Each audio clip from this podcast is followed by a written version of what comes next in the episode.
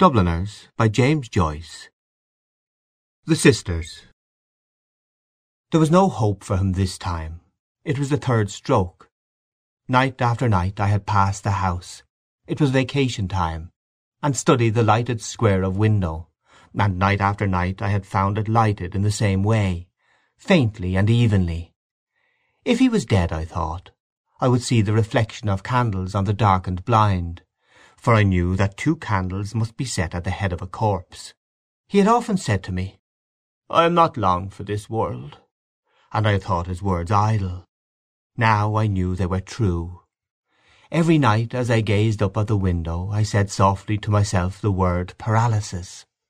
It had always sounded strangely in my ears, like the word gnomon in the Euclid, and the word simony in the Catechism but now it sounded to me like the name of some maleficent and sinful being. It filled me with fear, and yet I longed to be nearer to it, and to look upon its deadly work. Old Cotter was sitting at the fire, smoking, when I came downstairs to supper. While my aunt was ladling out my stirabout, he said, as if returning to some former remark of his, "Now, I wouldn't say he was, exactly, but there was something queer. There was something uncanny about him. I'll tell you my opinion." He began to puff at his pipe, no doubt arranging his opinion in his mind. Tiresome old fool! When we knew him first he used to be rather interesting, talking of faints and worms, but I soon grew tired of him and his endless stories about the distillery. "I have my own theory about it," he said. "I think it was one of those peculiar cases, but it's hard to say. He began to puff again at his pipe without giving us his theory. My uncle saw me staring, and said to me, "Well, so your old friend is gone, you'll be sorry to hear." "Who?" said I. "Father Flynn." "Is he dead?" "Mr. Cotter here has just told us. He was passing by the house." I knew that I was under observation, so I continued eating as if the news had not interested me. My uncle explained to old Cotter. The youngster and he were great friends. The old chap taught him a great deal, mind you, and they say he had a great wish for him." "God have mercy on his soul!" said my aunt piously. Old Cotter looked at me for a while. I felt that his little beady black eyes were examining me, but I would not satisfy him by looking up from my plate. He returned to his pipe, and finally spat rudely into the grate. "I wouldn't like children o' mine," he said to have too much to say to a man like that." "How do you mean, Mr. Cotter?" asked my aunt. "What I mean is," said old Cotter, "it's bad for children. My idea is, let a young lad run about and play with young lads of his own age, and not be—am I right, Jack?" "That's my principle too," said my uncle. "Let him learn to box his corner. That's what I'm always saying to that Rosicrucian there. Take exercise. Why, when I was a nipper, every morning of my life I had a cold bath, winter and summer. And that's what stands to me now. Education is all very fine and large. Uh, Mr. Cotter might take a pick of that leg of mutton," he added to my aunt. "No, no, not for me," said old Cotter. My aunt brought the dish from the safe and put it on the table. "But why do you think it's not good for children, Mr. Cotter?" she asked. "It's bad for children," said old Cotter, "because their minds are so impressionable. When children see things like that, you know, it has an effect." I crammed my mouth with stirabout for fear I might give utterance to my anger. Tiresome old red-nosed imbecile! It was late when I fell asleep. Though I was angry with old Cotter for alluding to me as a child, I puzzled my head to extract meaning from his unfinished sentences.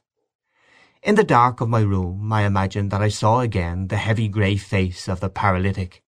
I drew the blankets over my head, and tried to think of Christmas. But the grey face still followed me. It murmured, and I understood that it desired to confess something. I felt my soul receding into some pleasant and vicious region, and there again I found it waiting for me. It began to confess to me in a murmuring voice, and I wondered why it smiled continually, and why the lips were so moist with spittle. But then I remembered that it had died of paralysis, and I felt that I too was smiling feebly, as if to absolve the simoniac of his sin.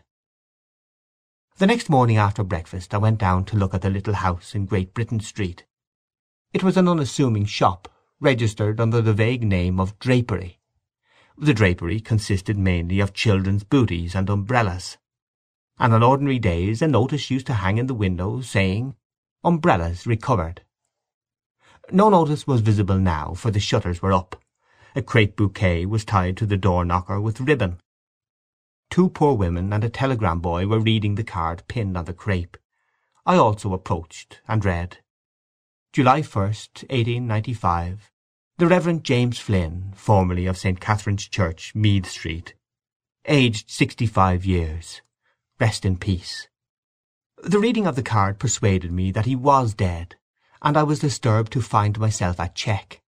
Had he not been dead I would have gone into the little dark room behind the shop, to find him sitting in his arm-chair by the fire, nearly smothered in his greatcoat. Perhaps my aunt would have given me a packet of high toast for him, and this present would have roused him from his stupefied doze.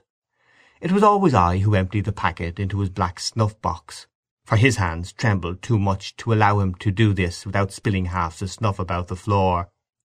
Even as he raised his large trembling hand to his nose, little clouds of smoke dribbled through his fingers over the front of his coat.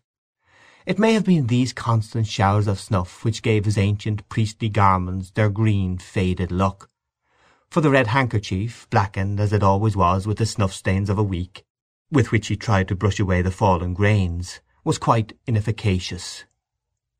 I wished to go in and look at him, but I had not the courage to knock. I walked away slowly along the sunny side of the street, reading all the theatrical advertisements in the shop windows as I went. I found it strange that neither I nor the day seemed in a mourning mood, and I felt even annoyed at discovering in myself a sensation of freedom, as if I had been freed from something by his death. I wondered at this, for, as my uncle had said the night before, he had taught me a great deal. He had studied in the Irish College in Rome, and he had taught me to pronounce Latin properly.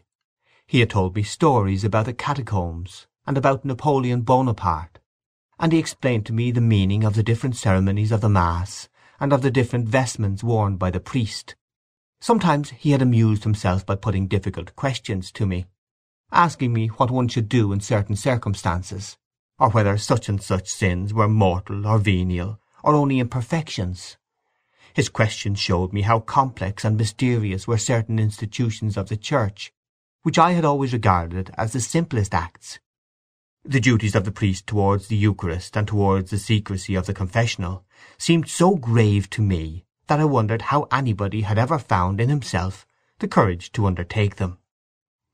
And I was not surprised when he told me that the fathers of the Church had written books as thick as the Post Office Directory, and as closely printed as the law notices in the newspaper, elucidating all those intricate questions.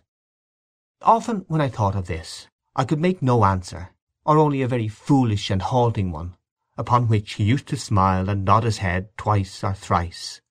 Sometimes he used to put me through the responses of the Mass, which he had made me learn by heart, and as I pattered he used to smile pensively and nod his head, now and then pushing huge pinches of snuff up each nostril alternately.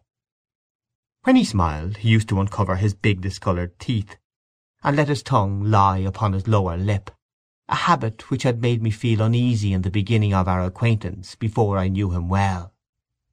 As I walked along in the sun I remembered old Cotter's words, and tried to remember what had happened afterwards in the dream. I remembered that I had noticed long velvet curtains and a swinging lamp of antique fashion. I felt that I had been very far away, in some land where the customs were strange, in Persia, I thought, but I could not remember the end of the dream. In the evening my aunt took me with her to visit the house of mourning. It was after sunset, but the window-panes of the houses that looked to the west reflected the tawny gold of a great bank of clouds. Nanny received us in the hall, and, as it would have been unseemly to have shouted at her, my aunt shook hands with her for all. The old woman pointed upstairs interrogatively, and on my aunt's nodding proceeded to toil up the narrow staircase before us her bowed head being scarcely above the level of the banister rail. At the first landing she stopped, and beckoned us forward encouragingly towards the open door of the dead room. My aunt went in, and the old woman, seeing that I hesitated to enter, began to beckon to me again repeatedly with her hand. I went in on tiptoe. The room, through the lace end of the blind, was suffused with dusky golden light, amid which the candles looked like pale thin flames. He had been coffined. Nanny gave the lead, and we three knelt down at the foot of the bed. I pretended to pray, but I could not gather my thoughts because the old woman's mutterings distracted me. I noticed how clumsily her skirt was hooked at the back, and how the heels of her cloth boots were trodden down all to one side. The fancy came to me that the old priest was smiling as he lay there in his coffin. But no. When we rose and went up to the head of the bed I saw that he was not smiling. There he lay, solemn and copious, vested as for the altar, his large hands loosely retaining a chalice. His face was very truculent, grey and massive, with black cavernous nostrils, and circled by a scanty white fur. There was a heavy odour in the room, the flowers. We blessed ourselves and came away. In the little room downstairs we found Eliza seated in his arm-chair in state. I groped my way towards my usual chair in the corner, while Nanny went to the sideboard and brought out a decanter of sherry and some wine-glasses. She set these on the table and invited us to take a little glass of wine. Then, at her sister's bidding, she filled out the sherry into the glasses and passed them to us.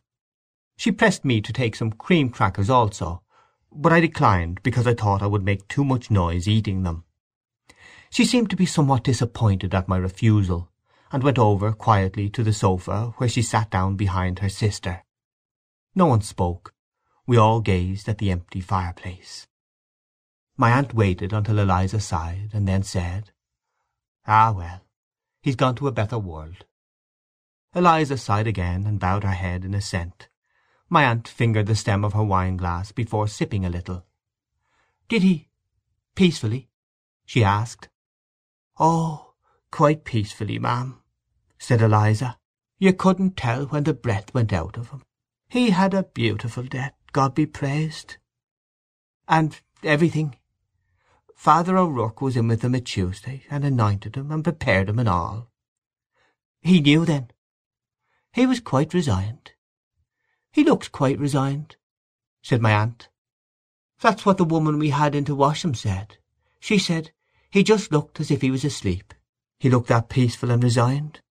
No one would think he'd make such a beautiful corpse." "Yes, indeed," said my aunt. She sipped a little more from her glass and said, "Well, Miss Flynn, at any rate it must be a great comfort for you to know that you did all you could for him. You were both very kind to him, I must say. Eliza smoothed her dress over her knees. "Ah, poor James!" she said.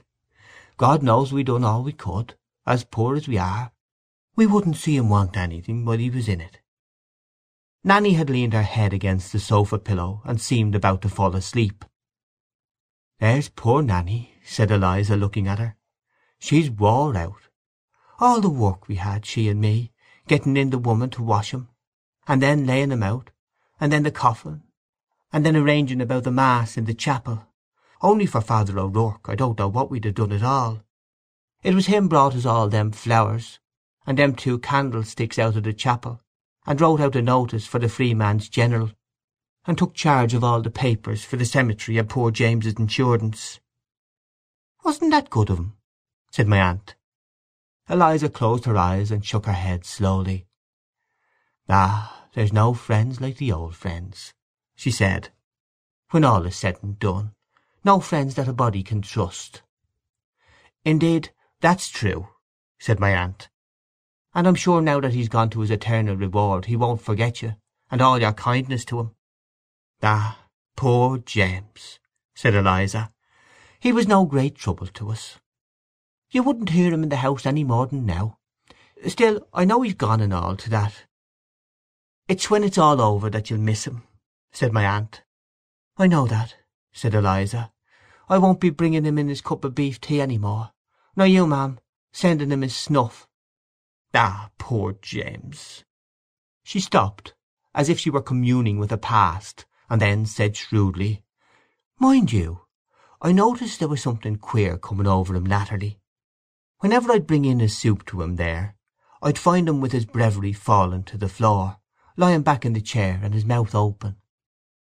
She laid a finger against her nose and frowned. Then she continued, But still and all, he kept on saying that before the summer was over he'd go out for a drive one fine day just to see the old house again, where we were all born down in Irishtown, and take me and Nanny with him. If we could only get one of them new-fangled carriages that makes no noise that Father O'Rourke told them about, them with the rheumatic wheels, for the day cheap, he said, at Johnny Rush's over the way there, and drive out the three of us together of a Sunday evening. He had his mind set on that. Poor James! The Lord have mercy on his soul, said my aunt.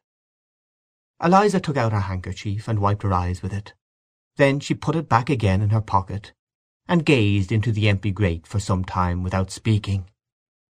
He was too scrupulous always, she said. The duties of the priesthood was too much for him. And then his life was, you might say, crossed. Yes, said my aunt. He was a disappointed man. You could see that. A silence took possession of the little room, and under cover of it I approached the table and tasted my sherry, and then returned quietly to my chair in the corner. Eliza seemed to have fallen into a deep reverie. We waited respectfully for her to break the silence, and after a long pause she said slowly, "It was that chalice he broke. That was the beginning of it. Of course, they say it was all right, that it contained nothing, I mean. But still, they say it was the boy's fault. But poor James was so nervous, God be merciful to him." "And was that it?" said my aunt. "I heard something." Eliza nodded. "That affected his mind," she said. After that he began to mope by himself, talking to no one, and wandering about by himself. So one night he was wanted for to go on a call, and they couldn't find him anywhere. They looked high up and low down, and still they couldn't see a sight of him anywhere. So then the clerk suggested to try the chapel. So then they got the keys and opened the chapel, and the clerk and Father O'Rourke and another priest that was there brought in a light for to look for him. And what do you think, but there he was, sitting up by himself in the dark in his confession box, wide awake, and laughing like, softly to himself. She stopped suddenly, as if to listen. I too listened, but there was no sound in the house, and I knew that the old priest was lying still in his coffin as we had seen him, solemn and truculent in death, an idle chalice on his breast. Eliza resumed. Wide awake and laughing like to himself. So then, of course, when they saw that, that made them think that there was something gone wrong with him.